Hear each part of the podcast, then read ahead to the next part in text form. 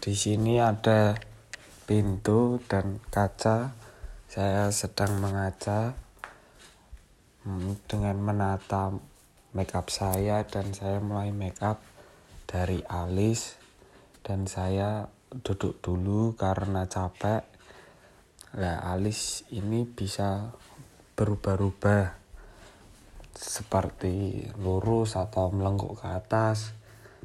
Nah, kursi ini fungsinya untuk duduk dan melengkang dan pokoknya biar posisinya itu enak. Nah, kalau udah enak itu mau ngerjain apa aja enak. Kalau nggak ada kursi yang berdiri ya capek.